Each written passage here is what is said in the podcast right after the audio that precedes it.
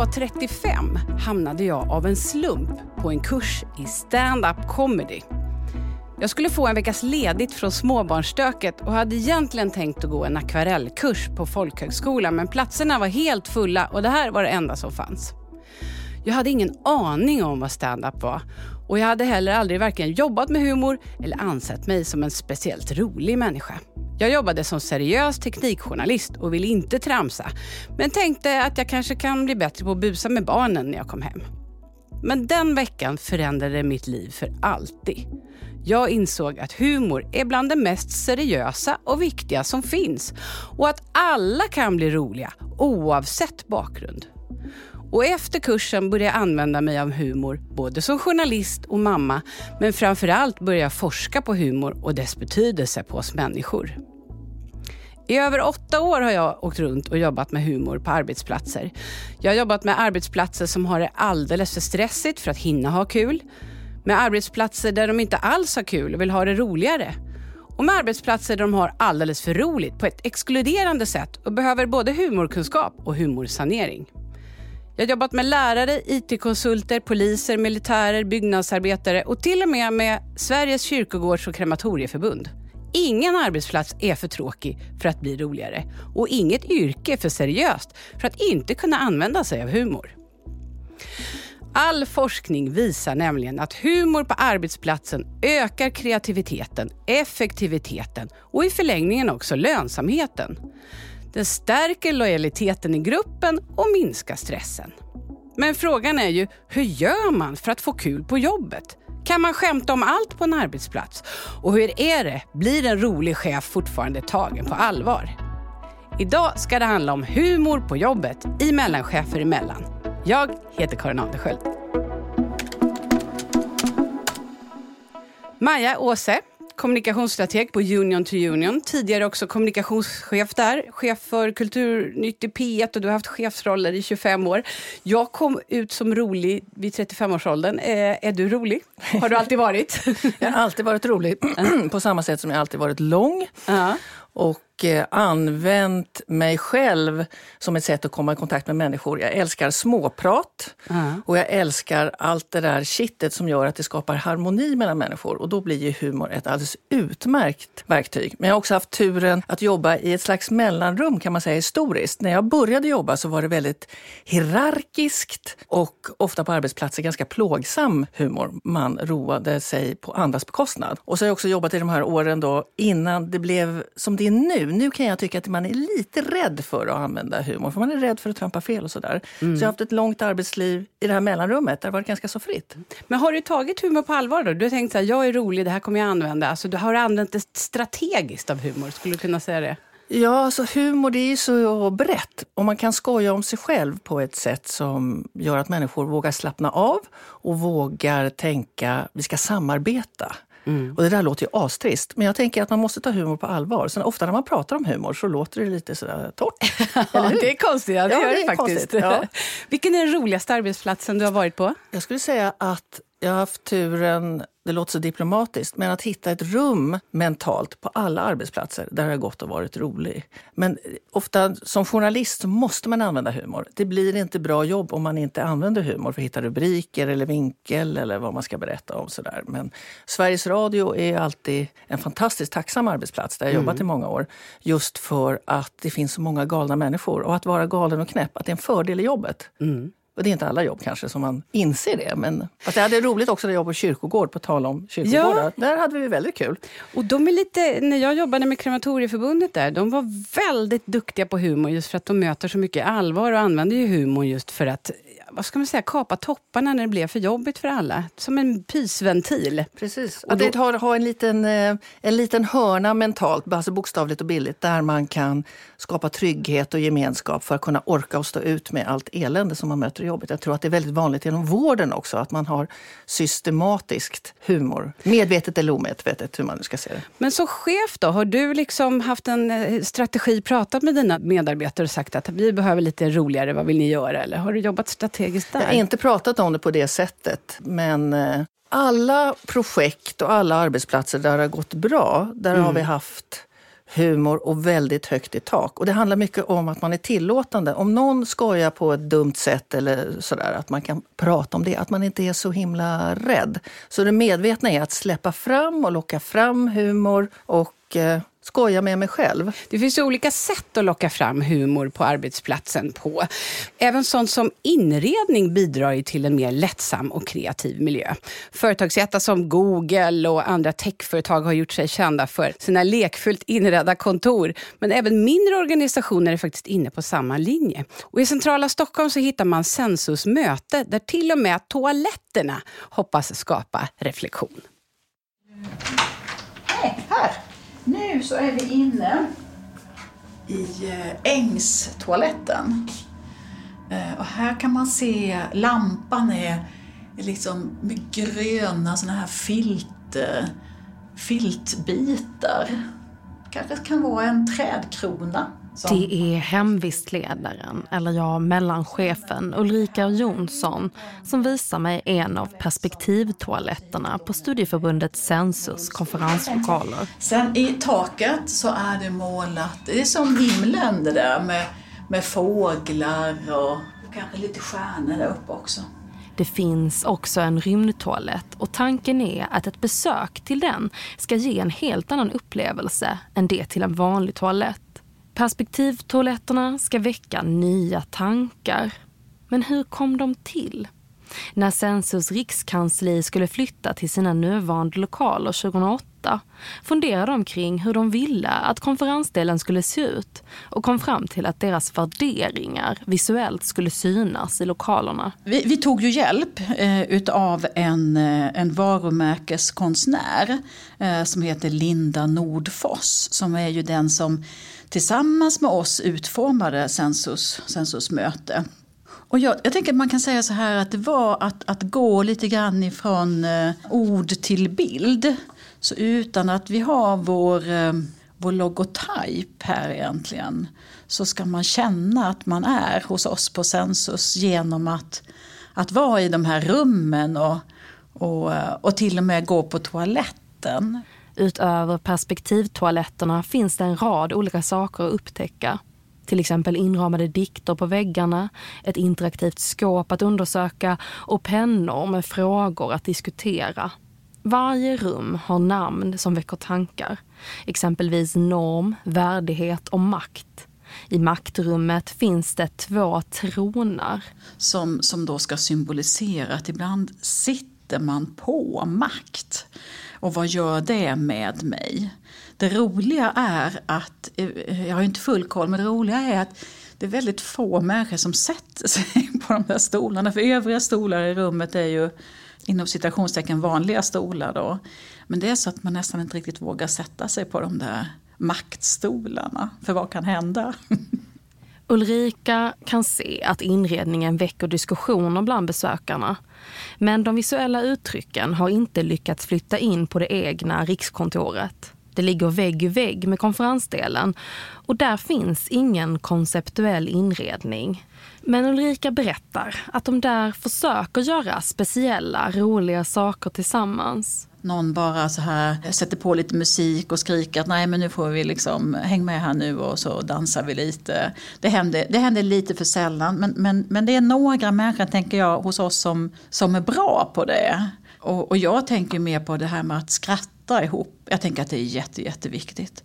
Och det behöver ju inte betyda, eller ha roligt ihop egentligen. Det behöver ju inte betyda att man liksom asgarvar hela tiden men, men att ha roligt ihop handlar tänker jag om något lite djupare nästan. Att liksom känna att man kan vara den man är och att, man inte behöver, att alla inte behöver tänka och tycka lika. Utan det har mer med någon, att ha roligt ihop är någon slags känsla. Ulrika menar att nyckeln till att vara en rolig chef är att kunna skratta åt sig själv. Det är lätt, tänker jag, att, att man tar sig själv på himla stort allvar. Men jag tror man behöver också vara som lite förlåtande till sig själv. För det är klart att ibland blir det, ibland blir det fel. Eh, och då får man väl eh, tänka om och göra, göra på ett annat sätt istället. Och kanske ibland skratta lite grann åt sig själv då. Och kanske är det inte perspektivtoaletter eller maktstolar som behövs på det egna kontoret. Ulrika menar att en förändring inte behöver vara så avancerad. Det viktiga är att arbetsplatsen undersöker vad det finns för specifika behov. Just att fundera över vad behöver vi för att vi ska må bra eh, ihop och göra ett bra arbete för dem vi är till för. Så får jag se maktstolarna. Det är något annat som pågår i rummet och stolarna är undanställda i ett hörn. Eh, ja, men lite som en tron va? Färgerna går ju i grönt och i lite rosa eller cerise helt enkelt. Men nu kan jag själv tycka att det är nog ändå lite slitet tyget så det är nog ändå en del som har, som har satt sig i maktstolarna. Sist här hörde du Ulrika Jonsson på Sensus studieförbund och vår reporter Viola Nilsson hade träffat henne. Ja, Maja, roliga toaletter, vad säger du om det? Ja, varför inte? Om man mm. har råd med det. Men mm. precis som det sägs i reportaget att det kanske inte behöver vara så att alla de här ansträngningarna för att ha roligt på jobbet, mm. att de behöver kosta så mycket pengar. För jag tänker i grunden handlar det om att om man får välja mellan att ha kul och tråkigt på jobbet så väljer de flesta att ha kul. jag har inte undersökt det, men jag, jag, utgår från det. Och eftersom det mesta det vi gör är att kommunicera med andra människor. Och jag tror att om man som chef har ett ideal att vara en demokratisk chef så lägger man också sig själv på en annan nivå och vågar möta andra och vågar använda sig själv. Och då tror jag kanske att det är mer effektivt. Mm. Om man nu tänker att roligheten har ett mål att man ska vara produktiv och effektiv. Mm. Men att det är mer effektivt i det här mötet mellan människor. Men det kan ju vara en ingång. Det visar ju att cheferna kanske är lite knasiga. Coops huvudkontor i Solna har ju en rutschkana från första våningen ner till receptionen. Och när man kommer in där så tänker man så här, ja men här är ett företag som har högt i tak. Vi ska mm. säga välkommen till nästa gäst, Therese Svanström. Du är kanslichef på Unionen. Du har faktiskt ett motto, gladast vinner. Ja, och jag, till skillnad från Maja så tror inte jag att jag har varit rolig hela mitt liv. Liksom, utan jag har faktiskt märkt eh, genom åren att... När kom du ut som ja, rolig? Ja, när kom jag ut som rolig? Det, det är en väldigt bra fråga. Jag ska ta med mig och fundera på den. Men jag har nog ändå eh, kommit till insikt genom att ha varit chef under ganska många år. Att just det här med med tryggheten i ledarskapet kommer också möjligheten att faktiskt skoja lite om sig själv och sina fel och brister och så vidare för att då också skapa en känsla av eh, prestigelöshet och det här gör vi tillsammans. Så. Dessutom är jag ju lite tävlingsinriktad så jag gillar ju att nå resultat i jobbet. Då har jag märkt genom årens lopp att har man kul så når man de där resultaten lite snabbare och lite bättre. Där ligger det här gladast vinner. Jag har sett att det ger effekt. I USA säger man ju fun is money. Men om vi tittar på den fysiska arbetsplatsen. Vissa har en utklädningslåda som står eller peruker som bara hänger på någon slags galge och får man feeling så kan man ta det. Vad tycker du om en sån sak? Har ni det på Unionen? Vi har ju en, ett aktivitetsbaserat kontor där man rör sig runt och träffar olika människor, vilket ju också är viktigt att man träffar rätt människor. Men vi har pingisbord och vi har kreativa rum där man kan sitta på otraditionella sätt och så. Vi har inga maktstolar, det har vi inte. Men Nej. vi har, ni vet, sittpuffar och liksom lite den typen av kreativa sitta på andra sätt än det traditionella mötesbordet. Ja, precis. Och det har ju varit på ett annat företag där man hade, ni vet det här riktigt tråkigt mötesrum. Det kan inte mm. bli tråkigare med plexiglasskivor. Och då hade de en av stolarna runt det här mötesbordet var lite lägre. Ja. Så varje gång så hamnade någon lite lägre och även om de bara använder internt då, så blev det alltid garv just för att någon hamnade med näsan liksom precis som ja, det, låter, det låter väldigt kul för det är det här med hög status och låg status ja. och, så, och man kan bjuda själv på att mm. man är en liten klantskalle som försöker göra sitt bästa. Men jag tänker ibland på det här med humor, det är ju komplicerat. Det finns den här Dunning-Kruger-effekten. Nu låter det lite taskigt här och som att man själv tycker att man är perfekt, men att det är människor människor som kan vara så inkompetenta att de inte kan se sin egen inkompetens. Och jag tänker också det här med humor, det kan ju lätt leda till att det finns människor som tycker att de är roliga, men mm. att de inte är roliga. Det här tvångsvitsande mm. har säkert fler än jag haft arbetskamrater som bara mm. ska skoja hela tiden. Jag mm. hörde nu i helgen om en lösning när det finns tvångsvitsare, att man har en whiteboard, så får alla skriva upp sina skämt. Så har man liksom en hörna för det här tvångsvitsandet, sådär, till exempel. Ett, en, en vits. Vilka kroppsdelar är de mest illegala? Hälarna. Det är ju inte riktigt kul, men om någon känner att det där måste jag måste säga, jag så skriver man upp det istället. Så har man fått lite humor på jobbet, men parkerat tvångsvitsandet i ett hörn. Och det beror på, då kan jag berätta, att skämtar man hela tiden blir det inte roligt därför att humor bygger på överraskning. Mm. Och den kändaste liksom, dåliga chefen är ju han i The Office, eh, Brent. Ja. Han gör ju alla fel egentligen. Han skämtar på de anställdas bekostnad, han skämtar hela tiden och han har liksom ingen känsla. För om vi ändå ska komma tillbaka till det här med att om man som chef ska utnyttja och själv vara rolig. Många tror ju att och många gör det nog inte, för att de tänker att då blir jag inte tagen på allvar. Men senaste årens forskning visar att det är tvärtom. Mm. Ju mer du kan skämta på din egen bekostnad, desto mer framstår du som mänsklig. Ja. Alltså som en bra chef som är på samma nivå. Men hur hittar man dit om man inte har gjort det innan? Det är ju lite mod i det där att våga kliva ut i det. Men jag tycker inte det är så svårt. Vet man, har man klart för sig som chef och även som medarbetare vad målet är för verksamheten och vågar öppna upp för att också hela arbetsgruppen ska gemensamt komma fram till hur når vi till det här målet. I, i det blir det liksom inte svårt att vara människa, eh, tycker jag. Och då kan man också skoja om både fel och brister och det som kanske blir fel längs resans gång. Så att jag tror kombinationen av en tydlighet i vart är det vi ska, vad har vi för mål med den här verksamheten vi vet att vi ska hit som chef, men jag vet faktiskt inte riktigt hur. Hur ska vi göra det här? Och mm. man kan bjuda på det. Det brukar generera att det blir en ganska schysst stämning på jobbet tycker jag. Säga så, jag skulle vilja att vi har mer roligt. Vad tycker ni är mer ja. roligt? Kan vi göra ja. mer av det? Ja, skulle man kunna göra. Och sen om man ska presentera ett projekt så kan det heta något roligare. Att istället för att det heter projektet för att vi ska bli mer effektiva så kan det heta något knasigt. Mm. Eller om man är väldigt, som jag, väldigt dålig på att göra powerpoints så skulle mm. jag kunna... Ja, men ibland så ritar jag eller gör någonting för att visa att jag har någon form av tanke, men det är jäkligt klantigt så det blir liksom så jäkla kast om inte mm. ni är med och, och hjälper mig här. Ja, humor kan vara klurigt också. Och du var inne på det här också, att många skämtar nog inte för man är så himla rädd för att göra fel. I varje poddavsnitt så utsätter vi ju, inom situationstecken, vår chefsgäst för ett dilemma. Vi låter skådespelerskan Amanda Oms spela anställd och så konstruerar vi ett problem som vår gäst måste lösa på plats. Och här är förutsättningen för dig nu då. Du är mellanchef på ett företag där er VD nu har kommit på att det här med humor det är en bra grej. Så hen har uppmuntrat till humor och att nu ska ni ha roligt med varandra på jobbet. Du har pratat med dina medarbetare om detta men efter ett tag så har du fått in klagomål gällande en medarbetare. Hon har på ett påträngande och tvångsmässigt sätt just skämtat hela tiden. Så pass mycket att det distraherar och besvärar de andra anställda. Och inte sällan så är det ganska grova opassande skämt. En del känner sig dessutom tvungna att skratta med för att det inte ska bli dålig stämning. Och senast förra veckan drog hon en historia i lunchrummet som gjorde att de andra tog riktigt illa upp. Nu har du kallat in din medarbetare mm. på ett möte för att försöka få henne dra ner på skämtande och förstå att vissa skämt är inte passande på jobbet. Och här kommer din anställda Amanda Oms. Hallå! Hej, Hallå, hej, välkommen! Tjenis penis! Ja, eller... Eh, Nej, jag vet. Alltså de säger till mig så här, alltså nu ska du ha möte med chefen. Ta det som en man. Och jag gör ju det såklart. Eh, jag tänkte vi kunde sitta ner här och prata lite tillsammans du och jag. För jag har en fundering. Jag förstår Underbar. att du tycker det är jättebra. Vi sätter oss ner och Amanda, ja. för vi har ju en policy här på jobbet. Att vi ska använda humor på jobbet. Det har ju vår vd bestämt. Det är underbart. Ja, det är jättekul. Hela våren höll ja. vi på med möte och vet efter du, möte. Amanda, hur roliga vi ska vara. Det är att jag har kallat in det här är att det här med humor, det är inte bara kul. Det kan bli lite komplicerat också.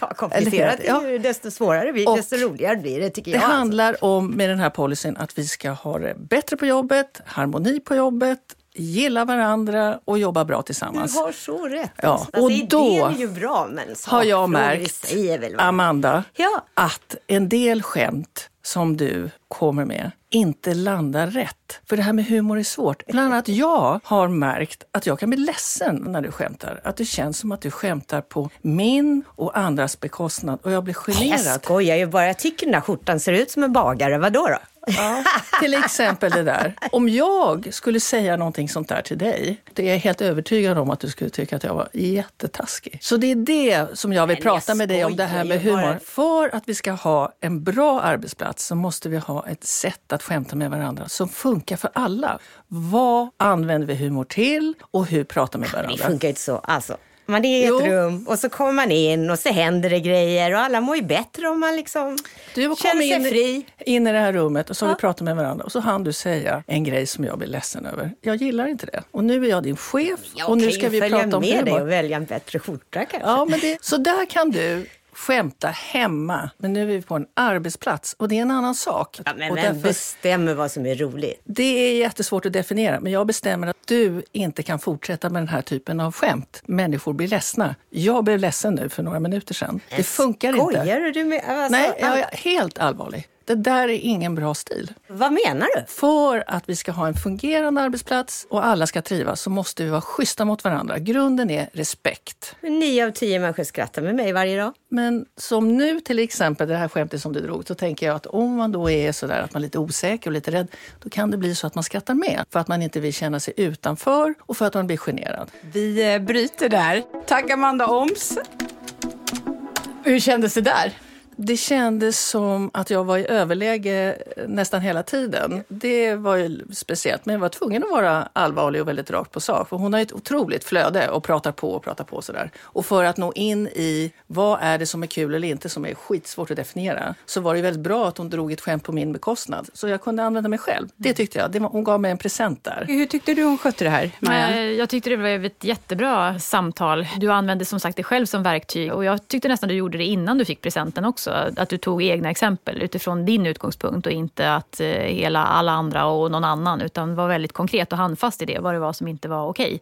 Humor kan också vara det svåra samtalet, precis som det svåra samtalet kan vara något helt annat på, med medarbetare på en arbetsplats. Så det här var, jag tycker det gick väldigt eh, bra. Jag har varit på arbetsplatser där det varit sådana tvångsskämtande som har varit av, handlar om sex och snusk och, och sådär. Det är ju lätt att psykologisera och tänka att det där är en människa som inte riktigt mår bra och, så, mm. och att man då drar sig för att prata om det. För jag vet att det här är ett väldigt vanligt problem och oftast då man benar i det så handlar det just om inkludering. Att det är vissa som inte alls känner sig med i den här typen mm. av humor. Och det måste ju vara väldigt vanligt just att vi har allt fler kulturer och religioner på våra arbetsplatser som kanske inte alls har samma bakgrund. Och liksom, hur gör man då? Du pratar med en anställd här, men om man har problemet på en, på en arbetsplats. Man har börjat stort, man har jätteroligt. Mm. Plötsligt så upptäcker man att det är mm. några som inte mår bra. Nej, men jag, dels måste man ju ta enskilda samtal som det här. Sen måste man också jobba med gruppen. Som med alla andra delar i en arbetsgrupp måste man jobba med att klimatet i arbetsgruppen funkar väl. Så, och se till att det finns fler än chefen som också sätter stopp när det går för långt och säger att men du, det där var inte roligt. Och jag har också varit i den typen av arbetsgrupper som ganska ung tjej,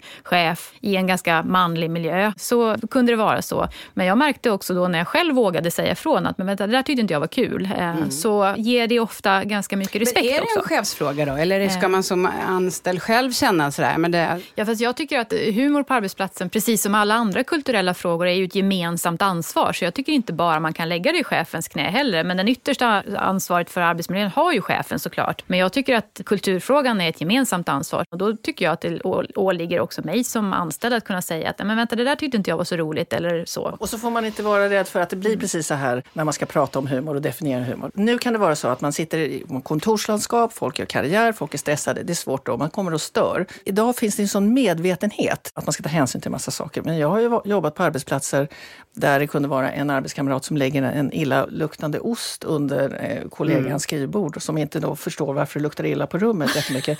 Det är ju inte humor. det kanske var humor för 40 år sedan, men det är ju inte...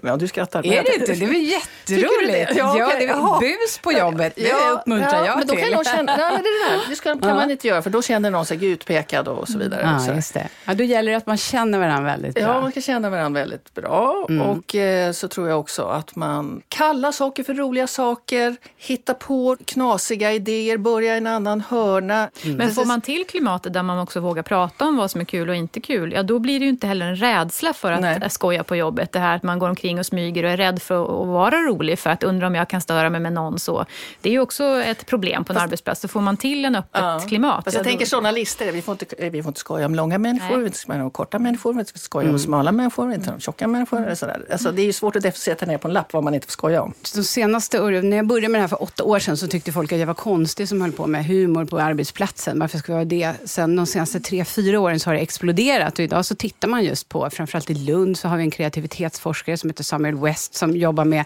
hur gör vi möten roliga. Nu har vi vetenskapliga studier mm. som bevisar att alla mår bättre av att ha roligt. Stressen minskar, till och med sjukdagar går ner. Och nu i våras på det stora World Economic Forum i Davos så var det en av punkterna. Mm. Varför tar vi inte humor mer på allvar i Sverige? För att vi är generade, blyga och rädda för mänsklig kontakt. Ja, jag tror så. att det är så ja. enkelt. Alltså, vi är rädda för småpratet, vi är rädda för humorn och vi är rädda för att göra bort oss. Om man då visar att det är liksom inte så farligt att göra bort sig, att om man snubblar och säger fel eller något sånt där. Mm. Så. Fast jag vet inte om det är så att vi inte gör det heller om vi jämför oss i en internationell kontext. För vi har ju, alltså det finns inte den typen av hierarki, vilket underlättar ändå att man kan ha roligt på ett sätt på jobbet. Jobbet. Och samtidigt försvårar, för det finns ju ehm. inget roligare än att skoja om chefen. Så om det finns en väldigt tydlig chef så kan ju folk ha ja. gemensam eh, ska man, få, ska man bjussa på det som chef? Absolut. Mm. Så jag mm. brukar ofta säga, utgå för att ni snackar skit om mig och ja. skojar om mig. Och om det kommer på något extra bra, berätta gärna, för ja. jag tycker det är jättekul. jag kan säga att vi i Sverige skrattar i genomsnitt mellan en och tre gånger per dag, oftast på lunchen, och mm. inte sällan åt chefen. Så Nej, det stämmer. Precis. Men rent konkret nu då, vi har många chefer som lyssnar på oss, mm. jätteglada för det. Nu tänker man, ah, men det här var var ju en bra idé. Var börjar man? Jag gör något konkret. Sätt upp en whiteboard och sen får man dra sitt sämsta skämt. Så kanske man börjar prata om humor på ett medvetet sätt. Och sen mm. ibland när jag har ett möte så kan jag gå in på mötet. Kryper jag in på mötet eller ligger ner på golvet? Visst är det konstigt? Men ja, det brukar funka. Ja. Ja, överraskningsmomentet ja, precis. där. Ja. Nej, men jag tänker att, tänk vad häftigt att ta utgångspunkten i den här forskningen som jag såg häromdagen också. Att eh, gnäll påverkar ju stresshormonet kortisol vilket gör att hippocampus påverkas eh, på ett negativt sätt. Så det är där minnen och glädje alstras och så vidare. Tänk om man bara grundar sig den forskningen, går till arbetsgruppen och säger vänta, har vi kul på jobbet eller har vi inte? Och om vi inte har det, hur gör vi det då? Nu har jag lagt mig väldigt mycket i det här programmet, men ja, det är ju bra. för att jag har på och forskat om det här. Och jag kan rekommendera bus på jobbet. Även en illaluktande ost under en kollegas skrivbord? Ja, men då ska man känna kollegan och veta. Ja, men jag har en grupp på Facebook som heter Bus på jobbet, där man får tipsa om sina bästa bus. Det var ett så otroligt bra bustips där.